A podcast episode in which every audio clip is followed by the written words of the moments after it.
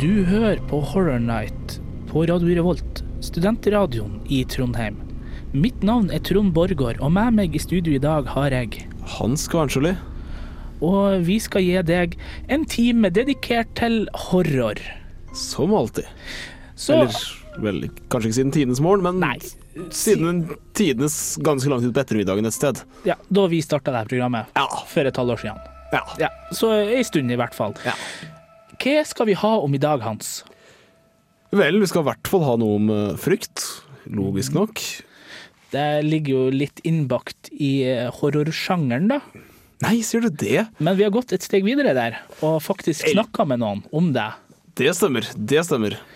Så får vi faktisk en eh, professor, om ikke jeg husker helt feil, som skal fortelle litt om frykt. Ja, det bør bli bra. Og så skal vi faktisk ha et steg langt tilbake mm. til uh, første halvdel av 1800-tallet til en av de virkelig store. Oh yes, vi skal snakke om Poe. Mm. Edgar Allan Poe. Virkelig en av uh, de karene vi er veldig glad i her oh, yes. i Horror Night. Oh, yes. Så det blir da ei uh, høytlesning ut av uh, Poe. Ja, The Black Cat er det vel? Som er en av de ganske fæle klassikerne som Poe lager. Han lager mye rart, men det der er virkelig en av de ganske grusomme. Det meste av Poe er jo virkelig grusomt, da.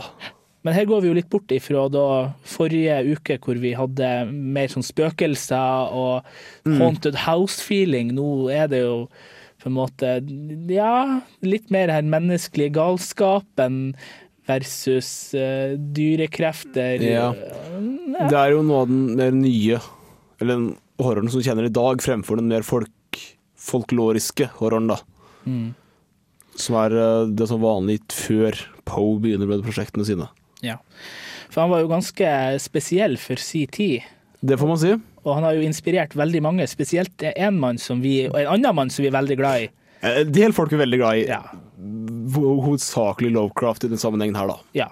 Mm, eh, Lovecraft var veldig fascinert ut av Poe sine arbeid. Ja, det er kan vi trygt si. Hadde de, eh, vi skulle funnet opp en tidsmaskin og så fått, latt dem få lov til å møtes, det hadde vært sånn her, hvordan hadde det vært? Hadde det vært epic, eller hadde det bare vært feil? Liksom?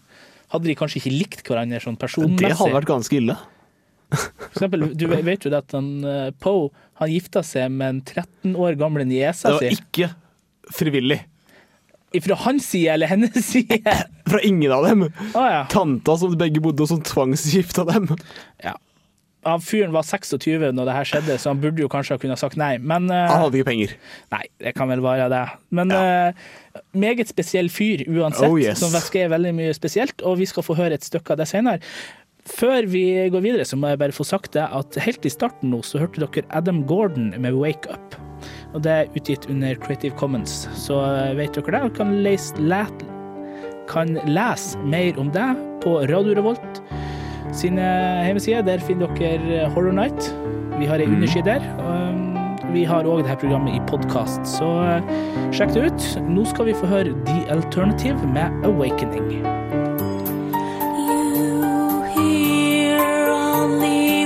whispers words very quietly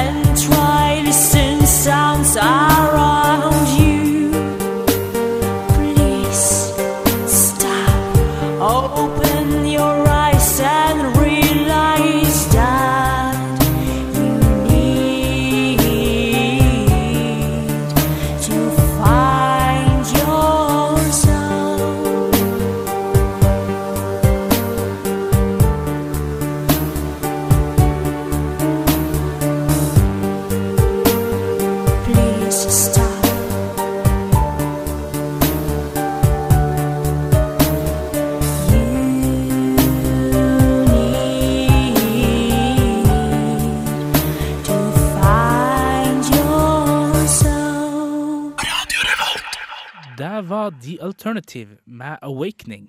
Du hører fremdeles på Radio Revolt, studentradioen i Trondheim, og programmet er Horror Night, der eh, vi prøver å gi deg eh, Ja, vi prøver å skremme deg, egentlig. Lite ja, grann. Vi prøver det. Om vi klarer å skremme deg, så har vi lyktes i vår jobb. Nettopp. Og eh, det her er jo noe vi skal se nærmere på nå i denne delen av sendinga, rett og slett det her med frykt. Yes. Og Hans, hva er det egentlig som skremmer deg? For du, OK, lytteren har antakeligvis ikke sett han Hans, men han ser ikke ut som han er spesielt lettskremt. Og på en måte kjenner deg litt grann nå etter hvert, og du, du virker ikke sånn som person i det hele tatt. Nei um, Nei, hva er egentlig redd for, det Jeg er, jeg er på en måte redd for en del, at en del menneskeskapte konstruksjoner skal falle sammen. Jeg stoler ikke på dem på noen måte. Ja, sånn konstruksjoner, tenkte du på hus? Eller? For eksempel. Okay høye hus og jeg kan se ned, det er en veldig dårlig deal. Men det, men det er ikke høydeskrekk? Nei, nei, nei, nei, nei, Det å se på se ned en, en fjellskrent nei, eller en, et stup, nei, ikke noe problem. Så lenge jeg vet jeg står støtt. Uh, det eneste jeg er redd for, er at jeg, jeg skal ta over balanse eller noe sånt. Noe. Ja, Men det er jo på en måte den menneskelige delen, da. Men er du mørkredd, for eksempel? Nei, overhodet ikke, egentlig. Er du det? Ja, egentlig. Jeg er faktisk mørkredd. Men ikke, ikke, det skal ses at jeg er ikke mørkredd i Trondheim. Aha. Nei, men altså, Det er jo ikke mørkt i Trondheim. Ok, i hvert fall, altså, Jeg bor midt i sentrum. Ja, ja, ja. Fair, enough. Jeg går opp hit, jeg går til Samfunnet, jeg går liksom rundt på øya der, og det er jo så mye lys der at Ja, det, det er sant, det, da. Men uh, når jeg kommer hjem til jul, da er jeg oh, yeah. mørkredd. Good times. Men uh, jeg syns det her er litt spennende med det her med frykt. Ja, at det er en veldig iboende greie hos oss mennesker. Ja, det er vel eh, overlevelsesinstinkt, nærmest. Ja, altså det er Til dels? Ja, til dels. Og til dels så funka det jo, for det hjelper oss ut av en del situasjoner. Frykt. Oh, ja, det å være forberedt. Mm. Uh, men så har du jo det når frykt går steget videre og på en måte uh, er hemmende. Ja, ja, ja, ja, en annen ting jeg er redd for. Jeg, jeg har et problem med å svømme i dype vann. Ja. Men det, det, det tror jeg er ganske menneskelig òg, altså. Ja, jeg tror jeg også. Altså. Men allikevel, det er jo Litt mer irrelevante tingene, da. Ja, Men hva med litteratur, da? Kan du lese ei bok og bli så skremt at du får trøbbel med å sove? Har du prøvd ja. det en gang? Én gang. Hva var det du leste? Neuropath av uh, Scott R. Backer. Anbefaler du? Oh yes! Oh yes! Nei, det er ikke skremmende som noen vil oppfatte Poe kanskje Jo, det er, det er, faktisk ganske litt Poe på en sånn måte. Det er så vanvittig uhyggelig og grunnleggende jævlig. Ødelegger alt du har av bilde av deg selv, omtrent. Åh, det høres bra ut, da. Ja, ja, det er fantastisk. Det er stygg som bare juling. Og det verste av alt er at den er basert på en del moderne vitenskap. Mm. Så det er, det er, ikke akkurat en fremtidsvisjon. Eller jo, det er faktisk fremtidsvisjon av omtrent sånn ja, fem år i tid, kanskje. Frem i tid. Kan du ta oss og si tittelen på det en gang til, i tilfelle noen syns det hørtes interessant ut? Neuropath av eh, Scott R. Backer. Yes. Kan dere ta og sjekke opp det. Sjøl så Jeg har faktisk sett et par ganger at jeg var nødt til å ha på eh, lyset etter å ha sett filmer og lest bøker og sånt. Ah, ja. Så det kjenn igjen ja. Eh, den ja. veldig godt, da. Nei, ellers er jo Lovecraft det jeg har liggende på nattbordet til hver tid. Oh, det holder med deg i. Men jeg var og snakka med Leif Edvard Kinnair som da er leder på eh, psykologisk eh, institutt oppe på NTNU. Nice. Om rett og slett frykt, for at uh, mm. det er en av hans da, hovedfelter. Pent. Så vi kan jo bare gå videre, og så får dere høre det intervjuet. Det er ca. seks minutter lang, så dere får kose dere med det. Navnet mitt er Leif Edward Ottesen Kunne. er instituttleder på Psykologisk institutt. Og er klinisk psykolog og jobber med angst- og tvangslidelser og i tillegg så forsker jeg på menneskets natur fra et evolusjonært perspektiv, det vi kaller evolusjonspsykologi. Og der forsker jeg både på eh, mentale lidelser fra et evolusjonsperspektiv og på menneskelig sexatferd. Partnervalg, sex osv. Hva er egentlig frykt ut ifra en psykologistandpunkt? Ja, frykt eh, er noe som vi kanskje ofte setter opp mot angst. da. Frykt er når vi får ubehagelige følelser som motiverer oss til å flykte eller forsvare oss selv, eh, som følge av at vi er utsatt for en eller annen form for konkret fare. Og da, da ser vi det ofte opp mot angst, som er når vi får fryktresponser, altså ubehagsresponser som gjør at vi ønsker oss å flykte eller forsvare oss selv, men der vi ikke har en konkret fare der vi snakker om angst, så er det en irrasjonell fryktrespons. Men poenget med frykt det er å beskytte organismen ved å få oss til å enten beskytte oss selv, gå til motangrep, eh, gjemme oss eller hva det skulle være, eller å flykte. Hva på en måte kan være konsekvensene med for mye versus for lite frykt? Der har vi et spennende eksperiment der man har avlet frem guppier, akvariefisk, som enten er kjempemodige, altså hypofobe, de er for lite redd. Eh, svært nervøse guppier som er avla frem for at de skal være overdrevent redd, og helt normale guppier. Så er det slik at hvis du putter en råfisk oppi akvariet, så dør selvfølgelig de som er overmodige, først. De blir spist først, for de tar ikke vare på seg selv. Mens de som er for redde, de har jo en tendens til å gjemme seg bort og verken få spist nok eller formert seg. Sånn at eh, det som har for lite angst eller for mye angst, Altså for lite frykt eller for, for mye frykt, det er begge deler uhensiktsmessig. Hva er det vi er redd for i dag? I dag så er vi redd for nesten nøyaktig det samme som vi var redd for for 100 000 år siden. De fleste mennesker er redd for små dyr. Det være seg edderkopper eller slanger eller insekter av forskjellige typer eller fugler. Og i tillegg så er vi redd for litt større dyr. Um, vi er redd for hunder, uh, bjørner og andre rovdyr. Men der er det viktig å skille mellom frykt og angst igjen. Så er vi redd for mørke høyder. Vi er redd for å være alene. Og vi tenker at de fleste av disse fenomenene som vi er redd for i dag, de var vi like redd for for 100 000 år siden som vi er i dag. Slik at eh, det vi ikke er redd for i dag, er jo slike ting som myndighetene prøver å skremme oss med. Røyking, veldig få som er fobisk imot røyking. Eh, fett og sukker er ikke like skummelt som myndighetene vil at vi skal tro. Ubeskyttet sex, f.eks. Eh, absolutt ikke så skummelt for de fleste som edderkopper eller rotter. Frykten at det er en veldig iboende ting i oss, er ikke det ganske naturlig at de tingene som vi er skremt, er ting som vi altså som på en måte urmennesker, jeg vet ikke om det blir et rett ord å bruke, hadde et sånn type fruktforhold til. Så, så, sånn som sukker vil jo i, helt fram til moderne tid være et stort pluss. Ja. Samme som sex. Absolutt. Ja, sex er fremdeles et stort pluss. Men det er slik at uh, sukker var det manko på. Derfor så er vi bygget for oss å ønske å, å ta til oss så mye sukker som mulig. Mens enkelte ting var farlig for oss. Det å være menneske i mørket er ikke så lurt. Hvis du lyser med en lommelykt på øynene til mange dyr, så vil du si at det reflekterer lys. Øynene deres er faktisk tilpasset til å ta til seg synsinntrykk i mørket i langt større grad enn mennesker er. Vi har ikke de samme forutsetningene for å bevege oss i mørket. Det å være helt alene som menneske for 100 år siden var skikkelig skummelt. Det å bli kastet ut av gruppen, det var skikkelig farlig. Det var døden. Um, en rekke rovdyr, en rekke situasjoner kunne være farlig for oss. Og de tingene har vi med oss. Og derfor så tenker vi at en evolusjonær tilnærming gir mening. De av oss som ikke var redd de tingene som var farlige, er ikke forfedrene til oss som lever i dag. Der har du de her på en måte tradisjonelle tingene som vi er redd for. Men du har jo òg en fascinasjonselement som er du finner en god del i litteraturen, men du finner det jo òg ellers. Altså, folk leter etter å bli skremt. Ja, vi liker å bli skremt så lenge vi er trygge.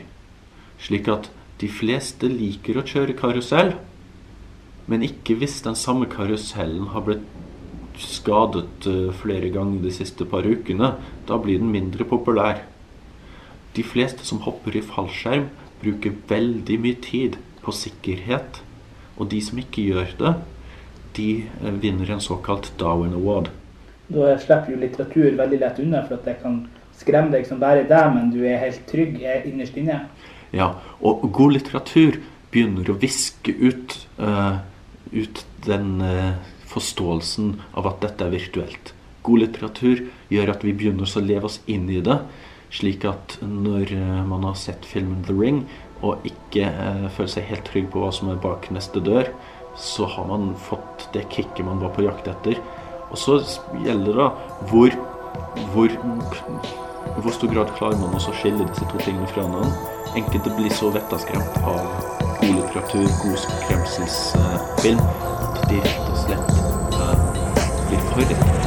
Og da syns de det blir morsomt.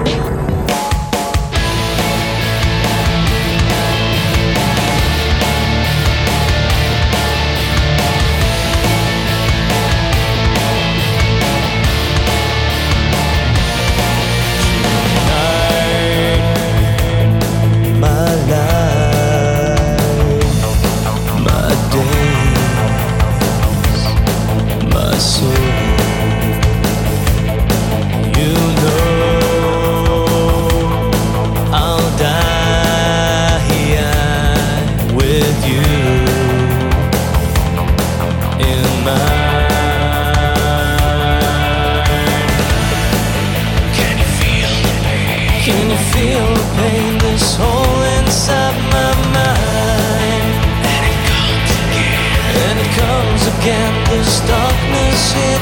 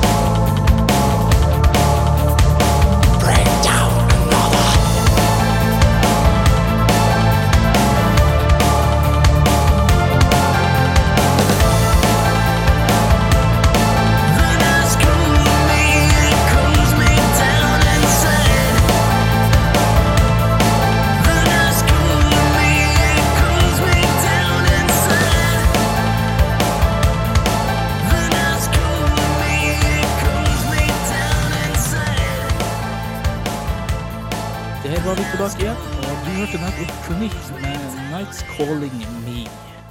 Og du er fremdeles på Horror Night med Trond og Hans. Yes. Og nå er vi kommet over til eh, andre halvdel av oh, eh, yes. dagens eh, sending. Og den, del, den, delen hvor vi egentlig er minst, og noen andre gjør mest. Ja, det er jeg skulle til å si at den delen vi liker best, ja, men uh, din måte passer bedre. Ja. Det er da rett og slett at vi spiller av uh, eh, høytlesning av uh, en del korthistorie Mm. Uh, vi pleier å ta én per gang. Nå har vi vært heldige og funnet en del som er ganske sånn midt på treet lang, sånn at da blir det én per gang.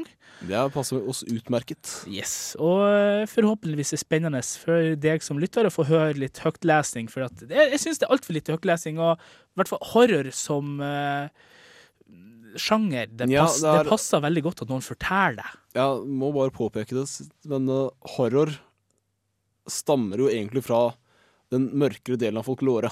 Mm. Altså, folklore er blitt brukt til å skremme livskiten ut av små unger for at de ikke skal ta oss og stjele apper, f.eks. Eller oppforlenger eller den slags ting. Og for en måte å få folk til å komme seg ut av sitt dagligliv, og da gjerne også gjennom skrekkelementer, for det er det de er vant til. Og det er det horroren kommer fra, og da er horroren er grunnleggende en muntlig sjanger, og derfor burde det brukes mer muntlig. Altså, hvem er det som ikke har sittet oppe på altfor lenge men vært på hytter en gang og sagt, fortalt spøkelseshistorier? Kjenner til den der. Oh yes. Jeg ser veldig frem til neste gang jeg skal på hyttetur. Da skal jeg seriøst ha med en seriøs bok med spøkelseshistorie. Jeg skal lese høyt. men eh, det vi skal høre i dag, det er jo Poe. Det er Poe, ja. El Edgar, Edgar, Allan Edgar Allan Poe. Poe. Yes. Born in 1809 died in 1845. Eh, så han ble 40? Uh, eh, han ble 40, ja. Det, okay, hvorfor ble han bare 40? Det er jo ikke noe alder for en mann sjøl på ja, Kanskje på 1800-tallet, men ah, eh, 40 men, er liksom ikke mye. Nei, det stemmer det, da. Det står her at um, ja, han døde jo i Baltimore, og ja, ja. Dødsårsaken er ukjent, Menn har blitt lagt, eller det er mange grunner man har eh, lekt seg litt med. Så ja Alkohol, kolera, dop, hjertesykdom, rabies, selvmord, tuberkulose eller andre ting. Så de vet rett og slett ikke? Nei, de vet ikke. De bare gjetter på omtrent alle mulige dødsårsaker som kunne inntreffe. Mm. Greia med det var jo at han eh, falt, falt, om på gata en dag han var ute og gikk, eh, og, og rabla bare på. Og han ble sendt på sykehus og døde der en fire-fem dager seinere. Ja. Uten at han ble eh, Mellom han ble lagt inn til han døde, var han ikke på noe tidspunkt på en måte bevisst nok til å svare for seg hva som var galt. Sånn at eh, når de setter diagnose, så var det vel altså sånn her An affliction to the brain, eller noe sånt. Altså rett og slett noe, noe veldig vagt, for de visste rett og slett ikke hva det var for noe som hadde drept han. Mm. Men han skrev da i, mens han ennå levde, så skrev han veldig mye bra. Ja, han skrev, skrev veldig mye, og skrev veldig mye bra. Det Mesteparten som har blitt utgitt av ham, er faktisk bra. Og der har du jo blant annet den vi skal spille i kveld. The Black Cat. The Black Cat. Og den eh, skrev han jo i Ja, det var egentlig ganske seint, altså i 1843. Mm. Men uh, klart, han ble jo ikke så, han ble jo ikke så gammel, så han, Nei, var, jo så... Noen, han var jo 6-37 da han skrev den. da. Ja. Uh, og det er Raven, som er en annen ting som er veldig kjent ifra han, det kom jo da et par år seinere. The Raven er jo, veldig kjent. Ja. Jeg brukes jo i litteraturutvisning i dag, faktisk. Så han ble jo Som mange, mange, forfattere, så er det på en måte Du ser i litteraturen at det beste kommer egentlig til slutt. Klart, ja. du har noen perler tidlig òg i Poe ja, altså, liv, definitivt. Du har jo for eksempel eh, for, Ja. Eh, Arthur Conan Doyle, som er mm. kjent for en, noen bøker som er, blir filmatisert nå. Mm. Håper alle vet hva det er for noe. Hvor han da påpeker at det var ingen detektivroman før Poe kom mm. med sine som jeg, jeg husker ikke nok hvilken det var som var den første. Og det her er jo så tidlig som altså, fyren ble Eh, Poe ble født like over 1800-tallet, mm. skiftet 1809. Sånn at på en måte det er, så, det er, vanvittig lenge siden. Det er over 200 år siden. Ja. Så det, og at på en måte bøkene hans fremdeles er relevant på den måten at de kan skremme oss. De er aktuelle. Ja, altså det, de er Som horrorlitteratur så er det Poe en av de aller beste. Mm. Jeg tror ikke jeg kan, jeg kan ikke komme på noen som er bedre på noen måte. Klart. Men nå er vi litt i huga, da, så vi ser ja, kanskje litt, litt, litt, Ikke rosa, svartere enn det. Sant det, da, men allikevel, altså. Det er, um, så vidt jeg har skjønt, så er de aller fleste som leser horror, leser Poe og det, det meste annet er litt sånn Ja, så leser vi det også litt på sida, så leser vi Poe for det meste. Poe, men Poe, og om man ikke har det, så har man i hvert fall vært borti Poe. Man, man kommer ikke unna Poe. Man kommer man ikke unna Poe. Men uh, kanskje vi bare skal gå i gang, og så få sette i gang det her stykket. Ja. Det er da eh, Poe med The, The, Black Cat, uh, og det er Bellona Times som uh, leser, og det er da henta ifra Libervox Det kan dere sjekke opp på librivox.org. Eh, så takker vi for eh, denne eh, sendinga. Like etter at The Black Cat kommer, så kommer Zero Project med Twilight Poem. The Black Cat by Edgar Allan Poe. For the most wild, yet most homely narrative which I am about to pen, I neither expect nor solicit belief. Mad, indeed, would I be to expect it in a case where my very senses reject their own evidence. Yet mad I am not, and very surely do I not dream. But tomorrow I die, and today I would unburthen my soul. My immediate purpose is to place before the world, plainly, succinctly, and without comment, a series of mere household events. In their consequences, these events have terrified, have tortured have destroyed me. Yet I will not attempt to expound them. To me they have presented little but horror; to many they will seem less terrible than Baroque's. Hereafter, perhaps, some intellect may be found that will reduce my phantasm to the commonplace, some intellect more calm, more logical, and far less excitable than my own, which will perceive in the circumstances I detail with awe, nothing more than an ordinary succession of very natural causes and effects. From my infancy I was noted for the docility and humanity of my disposition. My tenderness of heart was even so conspicuous as to make me the jest of my companions. I was especially fond of animals and was indulged by my parents with a great variety of pets. With these I spent most of my time, and never was so happy as when feeding and caressing them. This peculiarity of my character grew with my growth, and in my manhood I derived from it one of my principal sources of pleasure. To those who have cherished an affection for a faithful and sagacious dog. I need hardly be at the trouble of explaining the nature or the intensity of the gratification thus derivable. There is something in the unselfish and self sacrificing love of a brute which goes directly to the heart of him who has had frequent occasion to test the paltry friendship and gossamer fidelity of mere man. I married early and was happy to find in my wife a disposition not uncongenial with my own. Observing my partiality for domestic pets, she lost no opportunity of procuring those of the most agreeable kind. We had birds, goldfish, a fine dog, rabbits, a small monkey, and a cat. The latter was a remarkably large and beautiful animal, entirely black, and sagacious to an astonishing degree.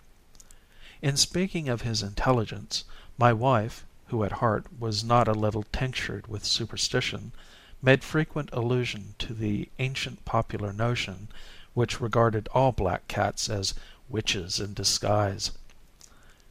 Not that she was ever serious upon this point, and I mention the matter at all for no better reason than that it happens, just now, to be remembered. Pluto this was the cat's name was my favorite pet and playmate. I alone fed him, and he attended me wherever I went about the house. It was even with difficulty that I could prevent him from following me through the streets.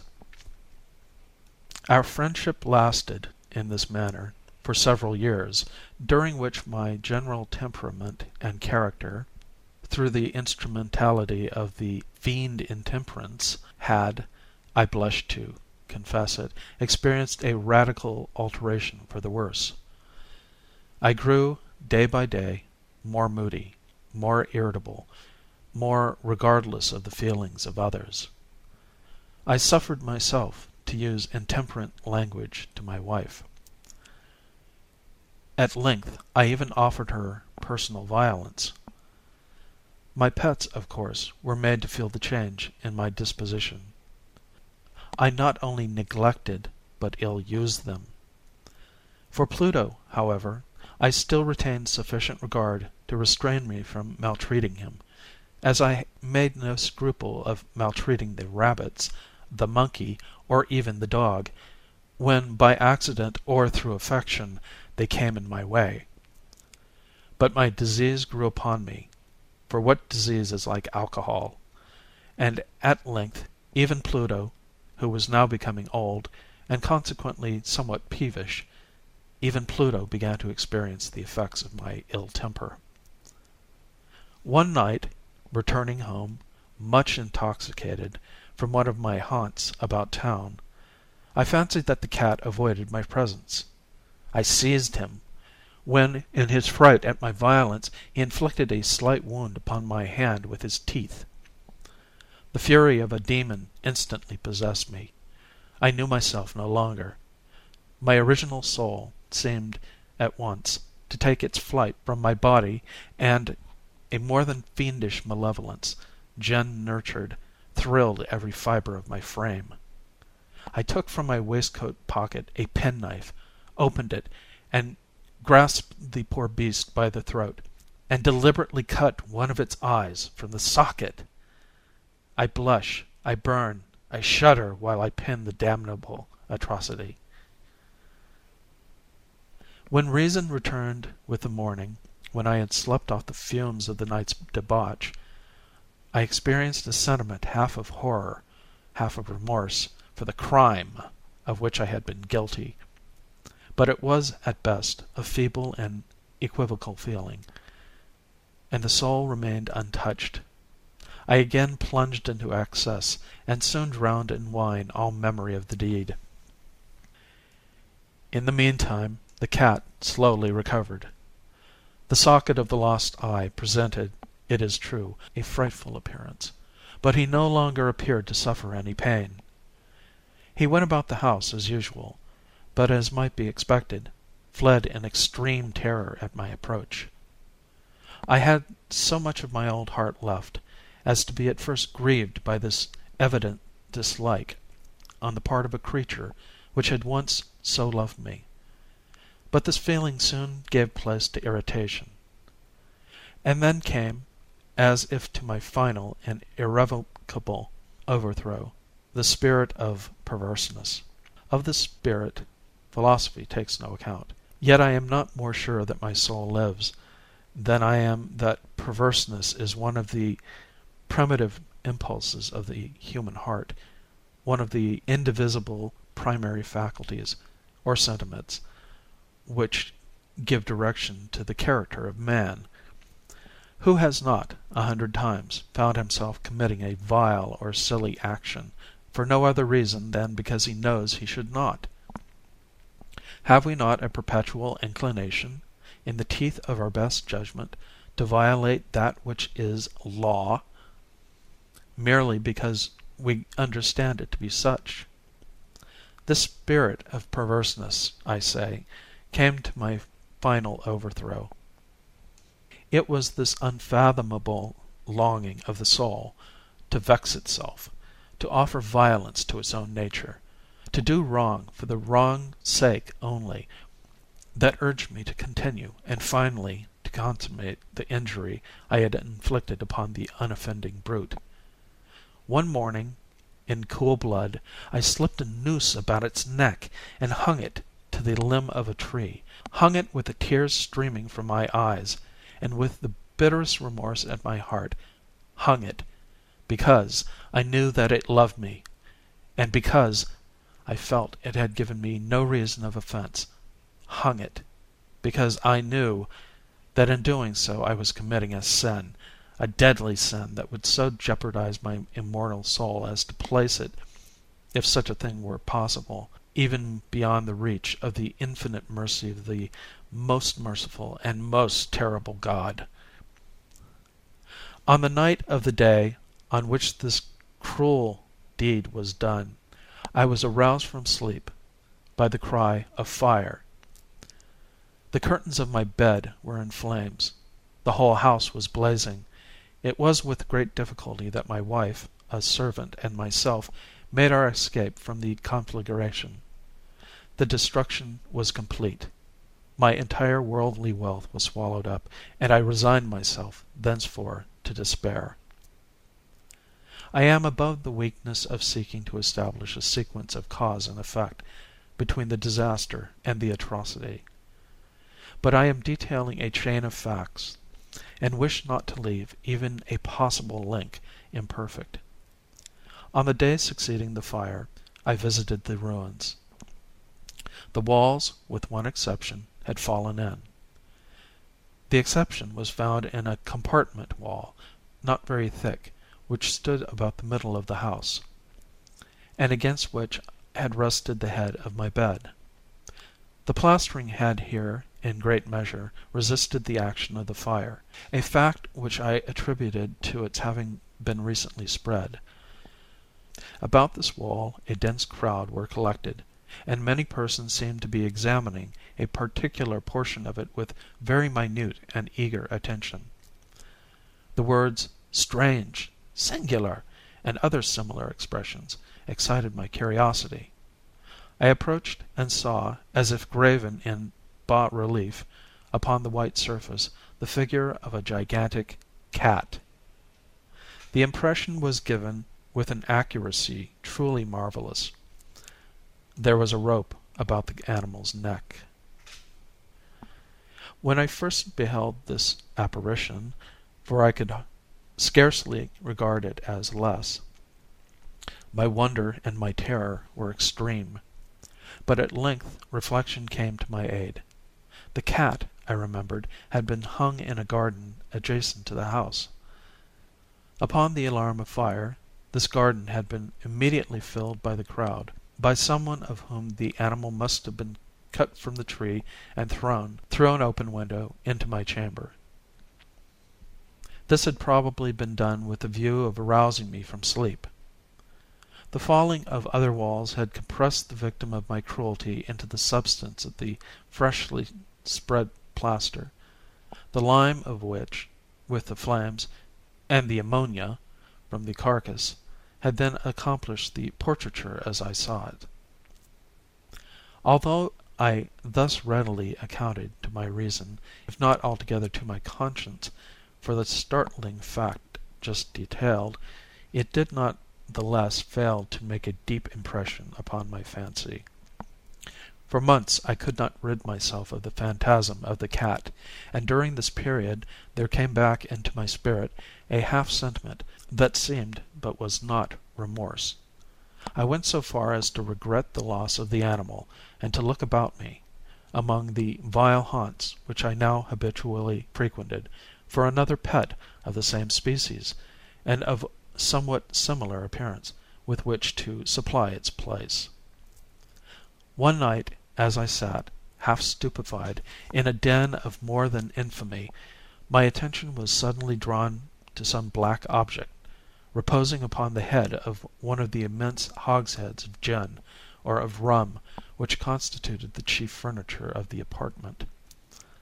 I had been looking steadily at the top of this hogshead for some minutes, and what now caused me surprise was the fact that I had not sooner perceived the object thereupon. I approached it, and touched it with my hand. It was a black cat, a very large one, fully as large as Pluto, and closely resembling him in every respect but one. Pluto had not a white hair upon any portion of his body, but this cat had a large, although indefinite splotch of white, covering nearly the whole region of the breast. Upon my touching him, he immediately arose, purred loudly, rubbed against my hand, and appeared delighted with my notice. This, then, was the very creature of which I was in search. I at once offered purchase it of the landlord, but this person made no claim to it, knew nothing of it, had never seen it before. I continued my caresses, and when I prepared to go home, the animal evinced a disposition to accompany me. I permitted it to do so, occasionally stooping and patting it as I proceeded. When it reached the house, it domesticated itself at once and became immediately a great favourite with my wife. For my own part, I soon found a dislike to it arising within me. This was just the reverse of what I had anticipated; but, I know not how, or why it was, its evident fondness for myself rather disgusted and annoyed me. By slow degrees, these feelings of disgust and annoyance rose into the bitterness of hatred. I avoided the creature. A certain sense of shame, and the remembrance of my former deed of cruelty, preventing me from physically abusing it. I did not, for some weeks, strike, or otherwise violently ill use it. But gradually, very gradually, I came to look upon it with unutterable loathing, and to flee silently from its odious presence as from the breath of a pestilence. What added, no doubt, to my hatred of the beast was the discovery, on the morning after I brought it home, that, like Pluto, it also had been deprived of one of its eyes. This circumstance, however, only endeared it to my wife, who, as I have already said, possessed in a high degree that humanity of feeling which had once been my distinguishing trait and the source of many of my simplest and purest pleasures. With my aversion to this cat, however, its partiality for myself seemed to increase. It followed my footsteps with a pertinacity which it would be difficult to make the reader comprehend. Whenever I sat, it would crouch beneath my chair, or spring upon my knees, covering me with its loathsome caresses. If I arose to walk it would get between my feet and thus nearly throw me down, or, fastening its long and sharp claws in my dress, clamber, in this manner, to my breast. At such times, although I longed to destroy it with a blow, I was yet withheld from doing so, partly by a memory of my former crime, but chiefly let me confess it at once! by absolute dread of the beast. This dread was not exactly a dread of physical evil, and yet I should be at a loss how otherwise to define it. I am almost ashamed to own yes, even in this felon's cell I am almost ashamed to own that the terror and horror with which the animal inspired me had been heightened by one of the merest chimeras it would be a possible to conceive. My wife had called my attention, more than once, to the character of the mark of white hair of which I have spoken, and which constituted the sole visible difference between the strange beast and the one I had destroyed. The reader will remember that this mark, although large, had been originally very indefinite, but by slow degrees, degrees nearly imperceptible and which for a long time my reason struggled to reject as fanciful, it had at length assumed a rigorous distinctness of outline. It was now the representation of an object that I shuddered to name, and for this, above all, I loathed and dreaded and would have rid myself of the monster, had I dared. It was now, I say, the image of a hideous of a ghastly thing, of the gallows. O mournful and terrible engine of horror and of crime, of agony and of death! And now I was indeed wretched beyond the wretchedness of mere humanity. And a brute beast, whose fellow I had contemptuously destroyed, a brute beast to work out for me! For me a man, fashioned in the image of the high God. So much of insufferable woe. Alas! neither by day nor by night knew I the blessing of rest any more. During the former the creature left me no moment alone, and in the latter I started, hourly, from dreams of unutterable fear to find the hot breath of the Thing upon my face and its vast weight an incarnate nightmare that I had no power to shake off, incumbent eternally upon my heart. Beneath the pressure of torments such as these, the feeble remnant of the good within me succumbed. Evil thoughts became my sole intimates, the darkest and most evil of thoughts. The moodiness of my usual temper increased a hatred of all things and of all mankind, while, from the sudden, frequent, and ungovernable outbursts of a fury to which I now blindly abandoned myself, my uncomplaining wife, alas! was the most unusual and the most patient of sufferers. One day she accompanied me, upon some household errand, into the cellar of the old building which our poverty compelled us to inhabit. The cat followed me down the steep stairs, and, nearly throwing me headlong, exasperated me to madness. Uplifting an axe, and forgetting, in my wrath, the childish dread which had hitherto stayed my hand, I aimed a blow at the animal which, of course, would have proved instantly fatal had it descended as I wished. But this blow was arrested by the hand of my wife. Goaded by the interference into a rage more than demoniacal, I withdrew my arm from her grasp and buried the axe in her brain. She fell dead upon the spot without a groan.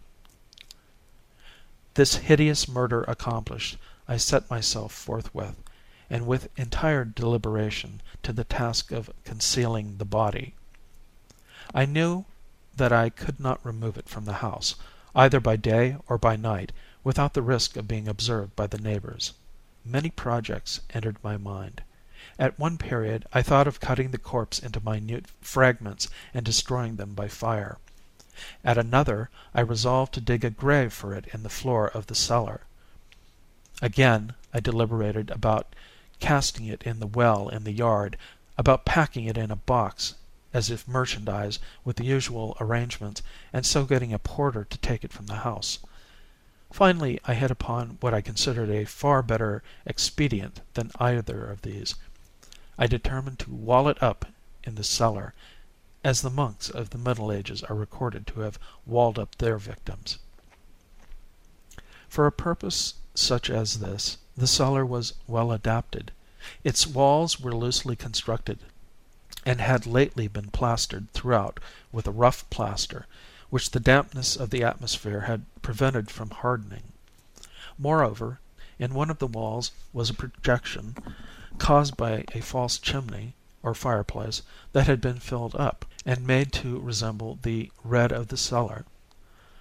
I made no doubt that I could readily displace the bricks at this point, insert the corpse, and wall the hole up as before, so that no eye could detect anything suspicious and in this calculation I was not deceived.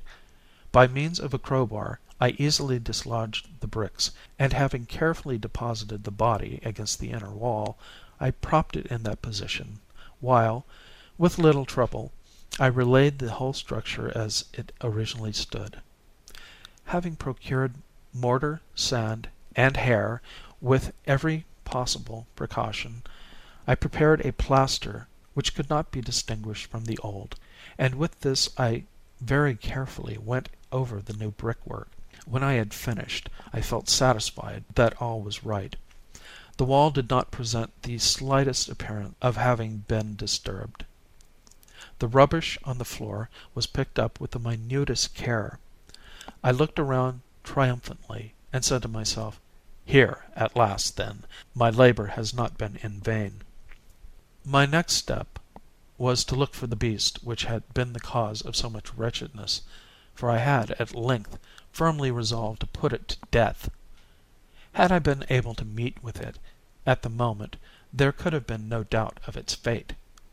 But it appeared that the crafty animal had been alarmed at the violence of my previous anger, and forebore to present itself in my present mood. It is impossible to describe or to imagine the deep, the blissful sense of relief which the absence of the detested creature occasioned in my bosom. It did not make its appearance during the night; and thus, for one night at least, since its introduction into the house, I soundly and tranquilly slept ay, slept even with the burden of murder upon my soul. The second? and third day passed, and still my tormentor came not. Once again I breathed as a freeman. The monster, in terror, had fled the premises forever. I should behold it no more. My happiness was supreme. The guilt of my dark deed disturbed me but little. Some few inquiries had been made, but these had been readily answered. Even a search had been instituted but of course nothing was to be discovered, I looked upon my future felicity as secured.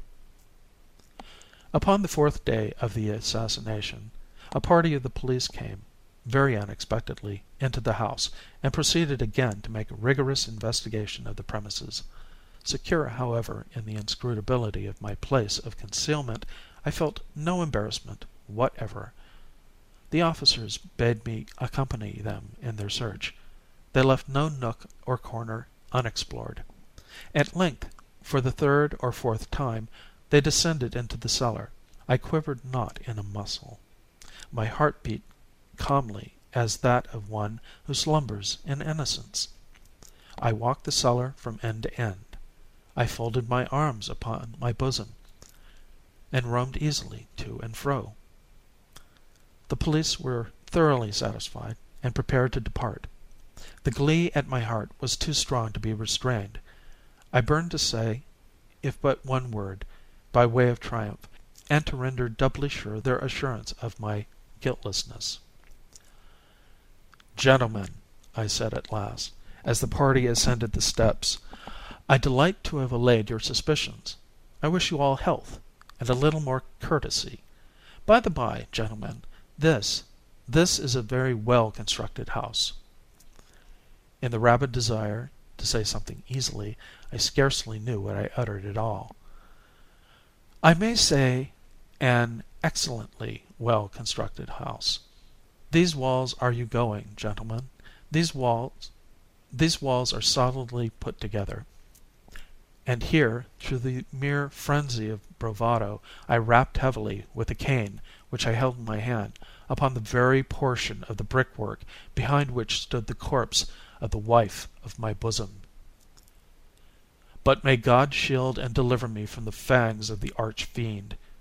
No sooner had the reverberation of my blows sunk into silence than I was answered by a voice from within the tomb, by a cry, of, at first muffled and broken, like the sobbing of a child, and then quickly swelling into one long, loud, and continuous scream utterly anomalous and inhuman, a howl, a wailing shriek, half of horror and half of triumph, such as might have arisen only out of hell, conjointly from the throats of the damned in their agony and of the demons that exult in the damnation.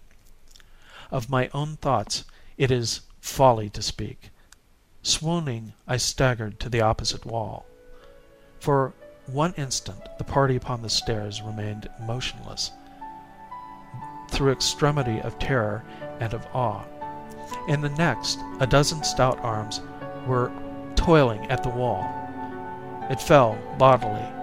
The corpse, already greatly decayed and clotted with gore, stood erect before the eyes of the spectators. Upon its head, with red extended mouth and solitary eye of fire sat the hideous beast whose craft had seduced me into murder, and whose informing voice had consigned me to the hangman. I had walled the monster up within the tomb.